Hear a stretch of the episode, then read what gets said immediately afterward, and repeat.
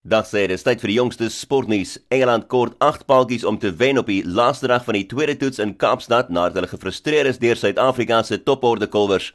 Dom Sibley het 133 nie uit nie aangeteken, sy eerste toets 100tal en Ben Stokes het 72 lopies gemoker om te help dat Engeland verklaar op 391 vir 8 om aan die Proteas se toetsrekord wenteken te gee van 438. Pieter Malan was toe onoorwonde op 63 met Suid-Afrika wat die dag eindig op 126 vir 2. Hulle kort nog 312 lopies om te wen op die laaste dag vir 'n 2-0 voorsprong in die viertoetsreeks. Novak Djokovic het gehelp dat Servië die kwartfinale bereik van die ATP beker in Australië deur beide sy enkelspel en dubbelswedstryde te wen teen groepteestanders Frankryk. Rafael Nadal se Spanje het gewen teen Uruguay om 'n tree nader te gee aan die laaste 8 in Australië.